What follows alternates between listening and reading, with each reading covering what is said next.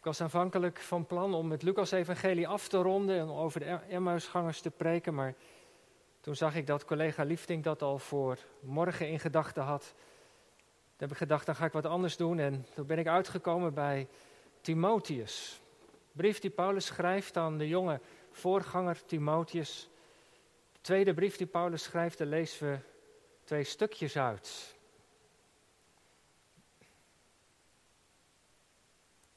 2 Timotheus, hoofdstuk 1. En vanaf vers 3 vinden we dan een opwekking tot standvastigheid. En we lezen daar de versen 8 tot en met 14. Waar Paulus tegen Timotheus zegt: Schaam u dan niet voor het getuigenis van onze Heer. En ook niet voor mij, zijn gevangenen.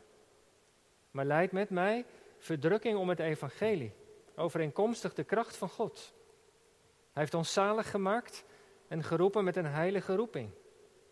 Niet overeenkomstig onze werken, maar overeenkomstig zijn eigen voornemen. En overeenkomstig de genade die ons gegeven is in Christus Jezus voor de tijden der eeuwen. Maar nu, maar nu is geopenbaard door de verschijning van onze zaligmaker Jezus Christus, die de dood teniet heeft gedaan en het leven en de onvergankelijkheid aan het licht gebracht door het evangelie. Waarvoor ik aangesteld ben als een prediker, apostel en leraar van de heidenen en daarom onderga ik ook deze dingen. Maar ik schaam mij niet, want ik weet wie ik geloofd heb. En ik ben ervan overtuigd dat hij bij macht is mijn pand bij hem weggelegd te bewaarden tot die dag.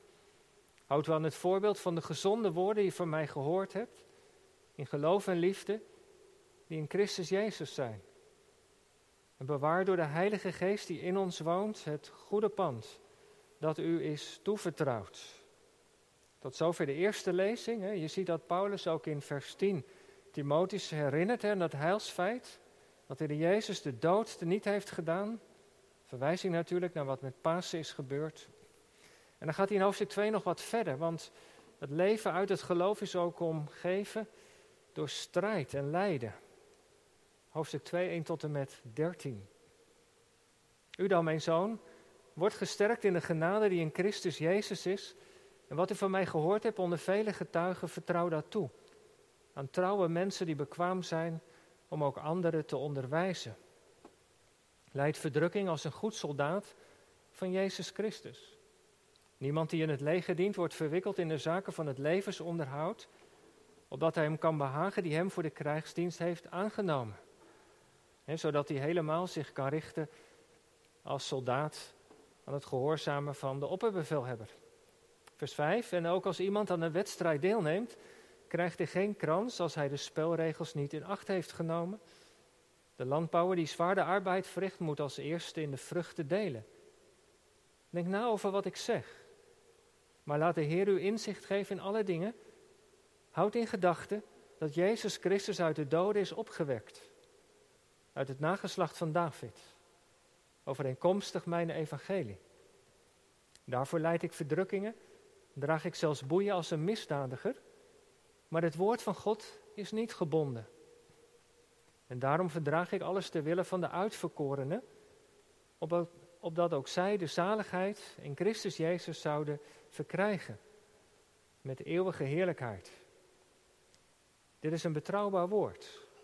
Want als wij met Hem gestorven zijn, zullen ook wij met Hem leven. Als wij volharden, zullen ook wij met Hem regeren. Als wij Hem verloochenen, zal Hij ons ook verloochenen. Als wij ontrouw zijn, blijft Hij getrouw. Hij kan zichzelf niet verloochenen. En dan gaat Paulus nog even verder, vers 14. Breng deze dingen voortdurend in herinnering.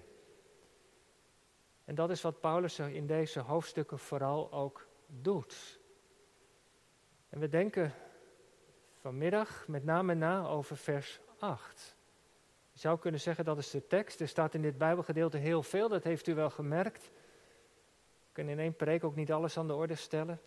Maar vers 8 is wel een mooie samenvatting, boodschap van dit gedeelte voor Timotheus. Houd in gedachten dat Jezus Christus uit de doden is opgewekt, uit het nageslacht van David overeenkomstig mijn evangelie.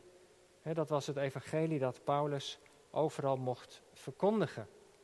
Tot zover de lezing van de woorden van God. Het thema voor de verkondiging, gemeente, naar aanleiding van vers 8, de opstanding in gedachten houden. Gemeente van Christus, broeders en zusters, u in de kerk, thuis verbonden. Als iemand tegen je zegt, vergeet niet dat het Pasen geweest is, hè?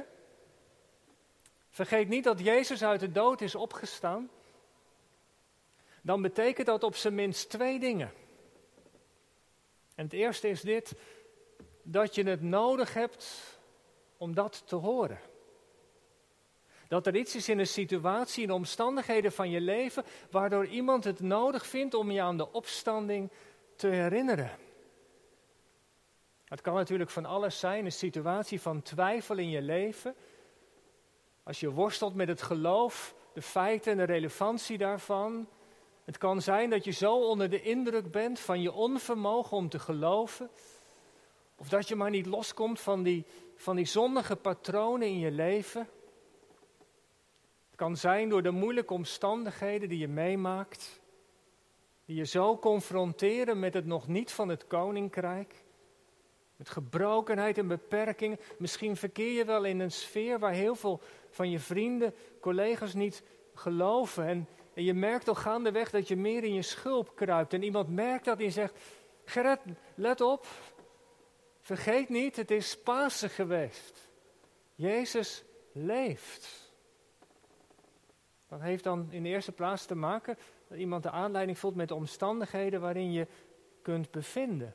En het tweede betekent ook, als iemand dat tegen je zegt, daar zit een suggestie in, dat de opstanding van de Heer Jezus uit de dood een ander licht werpt op je leven, op de omstandigheden, een ander perspectief. Doordat God in de opstanding heeft laten zien dat Hij machtig is, dat Jezus is opgestaan, dan betekent dat dus wat voor je dagelijkse leven. Dat is daardoor, daar mag je op een andere manier naar kijken. Dat is relevant, blijkbaar. Vergeet niet, broeders en zusters, dat het Pasen is, dat de Heer Jezus leeft.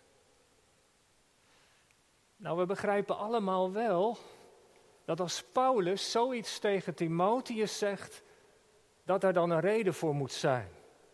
Vers 8, Timotheus, houd in gedachten, vergeet niet, breng je in herinnering dat Jezus Christus uit de doden is opgewekt. En als je de brieven van Paulus aan zijn jonge collega Timotheus, aan zijn geestelijke zoon, is wel doorbladert, dan zie je dat Paulus dat best wel vaak doet. Gelijk aan hoofdstuk 1, ik herinner je eraan, aan de charisma, de genadegave die je hebt ontvangen. Hoofdstuk 3, blijf bij wat je is geleerd. Vergeet niet dat Jezus uit de doden is opgewekt. Zo probeert hij Timotheus te bemoedigen. En als je die brieven leest, dan merk je dat hij heel betrokken is op het leven van Timotheus. spreekt als een vader tegen zijn geestelijke zoon. Timotheus is een jonge voorganger. Hij dient de gemeente in de stad Eversen. En u weet misschien wel, of jij, dat dat geen gemakkelijke plek was. Een stad die vol met afgoden en tempels stond. Een plek, zo blijkt uit het boek Handelingen, waar de boze heel veel mensen getrokken heeft in het rijk van de duisternis. Dus geestelijk hangt er een bedekking over de stad, een zwaar klimaat. En in die stad werkt Timotheus. En heeft hij ook nog eens te maken met mensen die van huis uit uit de Joodse traditie komen gepokt en gemazeld. Ze weten alles over de besnijdenis, over de koosjere wetten, over wat rein en onrein is. En hij komt daar met het evangelie van de Heer Jezus, dat andere accenten legt. En er komen van tijd tot tijd oudsten langs die voorgaan, zoals dat gebruikelijk was, en die prediken. En die leggen net weer wat andere accenten. Jezus, ja, helemaal prima, maar ook de wet, die regels, besnijdenis, sommigen. En zo brachten ze de gemeente daar, de jonge gemeente, in verwarring. En daar sta je dan als jonge voorganger. Je moet opboksen tegen de traditie wat de mensen altijd onderwezen is. En het evangelie is het nieuwe zicht daarop. Timotheus, die een paar jaar met Paulus had opgetrokken, mag dan die gemeente leiden. Maar dat botst natuurlijk soms ook, dat scheurt. Als je altijd iets gehoord hebt over de afzondering met de heidenen, dat God de deur heeft opengezet in de Heer Jezus, dan, ja, dan, dan kost je dat zoveel moeite om dat ook echt te omarmen. Dan komt dat, die oude gedachtepatroon, die traditie komt weer op. En daar sta je dan als jonge voorganger, geroepen, maar dan slaat soms ook maar de twijfel toe. Ben ik wel de juiste persoon? Kan ik dit wel? Twijfelmomenten dat je twijfelt aan je roeping misschien wel. Andere twijfel, is er na de opstanding van Heer Jezus nou eigenlijk echt wel anders geworden? Wat zie ik er eigenlijk van? Die weerbarstigheid in die gemeente. Blijft die oude mens die zomaar weer de kop opsteekt. Kan er nou het evangelie echt een verschil maken? Gemeente, wij zijn natuurlijk Timotheus niet. Maar soms kan de twijfel ook ons bekruipen. Dus Pasen vandaag. We zingen of we luisteren naar de liederen die op hoge toon de opstanding van de Jezus bezingen. Het nieuwe leven dat is begonnen, mogelijk geworden. Maar is de toon van vandaag niet te hoog? Overzingen wij onszelf niet? Is de klacht van de Joden niet eigenlijk heel reëel? Als de Messias echt gekomen is, als God iets bijzonders in hem heeft gedaan, waarom ziet de wereld er dan nog zo onverlost uit? Waarom is er nog zoveel oude mensen en gebrokenheid? Nou ja, met die vragen kun je natuurlijk geweldig worstelen. En ik denk dat we er allemaal wel iets van herkennen. Dat je soms ook in je eigen leven zo weinig. Misschien is het anders, hè? dat kan natuurlijk ook. Zul je intens dankbaar voor zijn. Maar de ervaring dat je soms zo weinig van Gods vrede ervaart, of dat er in je gezin zoveel gebrokenheid is, hoeveel je ook hebt gebeden, dat je steeds nog maar weer worstelt. Je dacht dat je er wel overheen was gekomen met die gevoelens van afwijzing, die concrete zonde die elke keer maar weer opkomt, dat je er zo moe van wordt. Dat je wel verlangt om te groeien, in de vrijheid te staan. Dat je zou willen afleggen wat je hindert maar dat je zo weinig progressie ziet. Overzingen wij onszelf niet op deze dag? Nee, gemeente, ik denk niet dat we dat doen. God heeft met Pasen echt een wonder gedaan. Dat evangelie heeft vandaag heel ruim geklonken. In de opstanding van de Jezus is een grote wissel omgezet. En een van de meest belangrijke dingen van Pasen Naast alles wat er Jezus voor ons heeft gedaan, wat we in de afgelopen weken hebben gezien. Vergeving, verzoening, bevrijding, is Pasen het grote heilsfeit. Dat Jezus niet dood is, maar dat Hij leeft. Wij geloven in een levende Heer.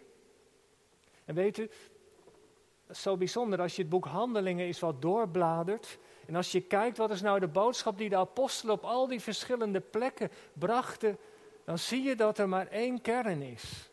En dat is, Jezus is opgestaan. We hebben een levende Heer. Dat is als het ware het heilsfeit wat hen drijft. Dat is het hart van de apostolische verkondiging. Het onderwijs dat ze geven en de prediking gaat niet over iemand van het verleden, over wat hij eens toen heeft gedaan. Het gaat over iemand die niet dood is, maar die leeft. En die je dus ook vandaag in het heden nog kunt ontmoeten. Jezus leeft. En hij heeft de dood overwonnen. En we kunnen ons denk ik vanmiddag wel voorstellen dat dat ook het eerste is Paulus geeft drie antwoorden, denk ik, dat dat ook het eerste is wat Paulus tegen Timotheus zegt. als hij merkt de twijfel en ontmoediging, dat hij hem wijst op wat met Pasen is gebeurd. Dat is de achtergrond van vers 8. Timotheus, houd in gedachten. Vergeet het niet. Jezus is uit de doden opgewekt. in het Grieks staat het er nog wat scherper. Wat Paulus tegen Timotheus zegt: Gedenk de opgewekte Christus. En de Griekse werkwoordsvorm duidt op wat het resultaat is van de opstanding. En dat resultaat is, Jezus leeft. Timotheus, je hebt een Heer die leeft. En als iemand leeft, dan kan hij spreken, dan kan hij handelen, dan kan je met hem praten. Je hebt een Heer die na de opstanding je meer nabij is dan daarvoor. Nu is hij niet langer meer door zijn aardse lichaam beperkt, zoals de catechismus zegt. Maar nu is hij overal, door zijn geest aanwezig. Kan hij aanwezig zijn? Timotheus, je zit daar misschien alleen in je kamer. Maar de Heer Jezus kan zomaar bij je binnenkomen. Je mag met hem spreken. Weet je niet wat hij heeft gezegd? Zie, ik ben met u alle dagen. Timotheus, zegt Paulus hem, je bent niet alleen. Jezus leeft. Je mag met hem spreken. Hij is erbij. En gemeente, ik dacht, dat is toch een geweldige troost. Dat onze zonde, die de aanleiding vormde voor het kruis, niet langer meer scheiding maakt tussen God en ons.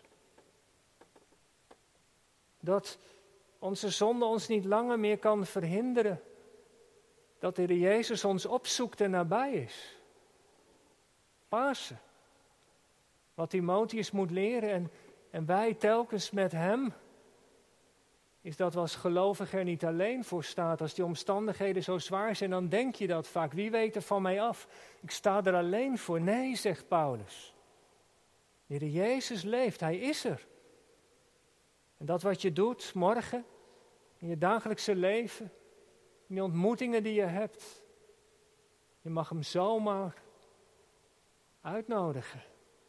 Heer Jezus, komt u alstublieft in mijn huis. Ik en mijn huis, wij zullen de Heer dienen. Komt u alstublieft in deze situatie met mijn kinderen. Komt u alstublieft in deze situatie van gebrokenheid. Met uw vrede, met uw vergeving, met uw genezing. Met een oplossing van uw kant.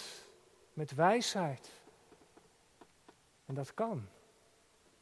Want Jezus is niet dood, maar hij is de levende.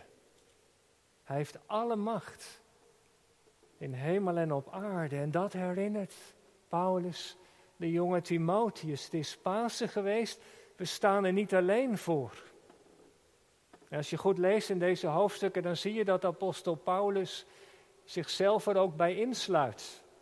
Als hij in 1 vers 14 bijvoorbeeld zegt, Timotheus, bewaar door de Heilige Geest het goede pand dat u is toevertrouwd, dan zegt hij door de Heilige Geest die in ons woont. Als je wat Bijbelstudie wil doen, dan moet je maar eens goed opletten in die Timotheusbrieven dat Paulus in zijn aansporing heel vaak zichzelf er ook bij insluit. Dat is ook waar hij het van moet hebben, waar hij van leven mag. Pasen is Jezus leeft. En we weten, hij is naar, naar zijn opstanding en hemelvaart naar de hemel gegaan, maar hij is niet verder weg maar juist dichterbij gekomen in de hemel. Dat is als de controlekamer van een schip. Daar gebeurt alles. Daar leidt hij door zijn geest de kerk. Daar heeft hij de regie over de engelen. Daar voert hij de strijd. Van daaruit voert hij de strijd met de machten van het kwaad. Daar leeft hij om voor ons te bidden. Het is Pasen geweest en en ik hoop dat het voor u en jou geldt. U die thuis kijkt, meeluistert. Dat wij door het geloof met deze heiland verbonden zijn. En dan mag je weten, in welke situatie ook, met de Heer Jezus ben ik niet alleen, ben ik altijd in de meerderheid. En ja, en dat is wat Timotheus nou moet leren. daar in die stad Eversen. Niet dat hij steeds zegt, Heer, ziet u hoe grote problemen zijn die ik heb. Maar Paulus leert hem te zeggen, tegen die problemen, hoe groot de Heer is die hij dient. Houd in gedachten, Jezus is uit de doden opgewekt. Je dient een levende Heer. Als het eerste. En Paulus voegt er nog wat aan toe. En dat is dit, er blijft ook strijd, Timotheus. En Paulus is daar ook eerlijk over. In het Bijbelgedeelte, hoofdstuk 2, vers 1 tot en met 13, eh, spreekt de apostel daarover. Het navolgen, het dienen van de Heer Jezus is geen gemakkelijk avontuur. Strijd en inspanning, tegenslag en verdrukking horen erbij. En dan gebruikt hij drie beelden om dat duidelijk te maken. Beeld van een soldaat, een atleet en een boer. Hoofdstuk 2, begint vers 3, leidt de verdrukkingen. En dan heeft hij als eerste over de soldaat. De soldaat is opgeleid om te strijden. En als hij in het leger zit, dan dient hij de bevelhebber te gehoorzamen. Of hij het leuk vindt of niet, of het gevaarlijk is of niet, is maar één ding. En zo functioneert het leger. Wat de bevelhebber zegt, dat doe je. Zo is het in het geloof ook. Gehoorzaamheid in het koninkrijk van God is de sleutel waar alles om draait. En het tweede, de atleet. Vers 5. Een atleet is iemand die alles opzij zet voor de wedstrijd. Die gaat voor de overwinning. Maar om dat te kunnen doen moet hij zich inspannen, moet hij trainen, moet hij afzien, focussen. Dat hoort er allemaal bij, zegt Paulus. Ook in het geloof. En de boer, vers 6. Ja, hard werken vaak. Je tot het uiterste inspannen voor de dieren, voor de akkers, voor de opbrengst van de oog. Het komt je allemaal niet aanwaaien. Daar is inzet voor nodig, nachtwerk, je zorgen maken soms. Al die dingen tekenen het leven van de soldaten, atleet en de boer. Inspanning, tegenslag, verdrukkingen. Dat is de manier waarop het leven hier op aarde zijn gang gaat. Helaas. Moeitevolle arbeid. Lang niet altijd worden de dingen je in dank afgenomen. Gaat soms tegen je gevoel in. Misschien wel heel vaak. Maar dat is geen reden dat het een vergeefse missie zou zijn. Nee, Timotheus, dat moet je niet denken. Die strijd die hoort erbij. Kijk maar naar het leven van de Heer Jezus. Die weg die hij ging, was dat een makkelijke weg? Nee. Was er afwijzing, onbegrip, eenzaamheid, lijden? in de steek gelaten worden, valse beschuldigingen. Het was er allemaal. Maar toch was dat de weg die hij ging, moest gaan. In gehoorzaamheid. En Timotheus moet dat beseffen en wij met hem, dat die strijd er ook echt bij hoort. De weg naar het koninkrijk, dieper het koninkrijk van God in, is een weg die inspanning vergt. Maar ja, soms denk je wel eens, waarom zo moeilijk? Het is toch Pasen geweest? Jezus leeft, hij heeft alle macht in hemel en op aarde. Het is voor hem toch heel eenvoudig om al die dingen waar we mee worstelen, in de kring van de gemeente, daarbuiten, op je werk, in je persoonlijk leven, om daar in één keer wat aan te doen. Een gemeente, één ding vergeten we dan. Dat Pasen weliswaar een nieuw beginnen is. De zonde is verzoend, het nieuwe leven is mogelijk, de macht van Satan is gebroken. Maar we leven natuurlijk nog niet in het koninkrijk van God. Die nieuwe hemel en de nieuwe aarde, die is nog niet aangebroken. Wij zijn mensen van de tussentijd. We leven tussen Pasen. Misschien moet je zeggen met Pasen gelovig in de rug. En vooruitkijkend naar de nieuwe toekomst van God. Je zou Pasen kunnen vergelijken. Het beeld gaat misschien niet helemaal op, maar voor een deel toch wel als een bruggenhoofd. Even, ik weet niet of u graag boeken leest over de oorlog. Tweede Wereldoorlog, de landing van de geallieerden in Normandië. Hevig verzet van de Duitsers, maar uiteindelijk lukt het ze om op het strand daar een bruggenhoofd te plaatsen. Een plek die ze bezet konden houden. Van waaruit ze de tegenbeweging konden aangaan. En dat bruggenhoofd, dat was uiteindelijk ook een kantelpunt. Dat was die day, u heeft dat voorbeeld wel eens gehoord, Decision Day. Maar dat duurde nog even voordat Victory Day kwam. Maar dat is de realiteit. Waar Paulus in zijn brieven over spreekt. Ik heb 1 Korinthe 15 er nog eens bijgepakt. Dat prachtige hoofdstuk over de opstanding en de betekenis daarvan. En dan schrijft de apostel in de versen 22, 23 en 24 en verder. Daar schrijft hij dit. Hij zegt, Christus is als eerste uit de dood opgewekt. Nu heerst hij als koning. Maar aan het einde van de tijd geeft hij dat koningschap weer terug aan zijn vader. En wanneer gebeurt dat? Dan zegt vers 24 dit. Als hij alle heerschappij en alle macht en kracht teniet heeft gedaan. Hij moet koning zijn totdat hij alle vijanden onder zijn voeten heeft gelegd. Tussen de opstanding van de Heer Jezus en zijn wederkomst, dat is de tijd dat de Heer Jezus bezig is, zegt Paulus, alle vijanden onder zijn voeten te werpen. De tijd tussen paas en wederkomst is een tijd van strijd. De Jezus is bezig vanuit de hemel om de vijandschap te overwinnen. Het kruis is het bruggenhoofd. Maar de overwinning is op aarde nog niet volledig doorgebroken. Nu is hij bezig met de verkondiging van het evangelie. Het gaat de wereld door. Door zijn geest. Breng, wordt het evangelie onder alle volken verspreid. En de manier waarop het koninkrijk uitbreidt en de weerstand wordt overwonnen, is via de weg van het geloof. Als mensen de Jezus leren kennen, worden ze uit het rijk van de duisternis overgezet in het rijk van Gods geliefde zoon. Dat is de manier waarop Jezus bezig is. De strijd te strijden. Maar wij zijn mensen die leven in die tussentijd. Tussen het alreeds en het nog niet. En als je in de Jezus gelooft, dan ben je een soldaat in zijn leger. Dan ben je geroepen om te strijden. Dan zul je klappen oplopen, met vijandschap te maken hebben, met tegenwerking van mensen en van je eigen hart. Maar dat hoort erbij.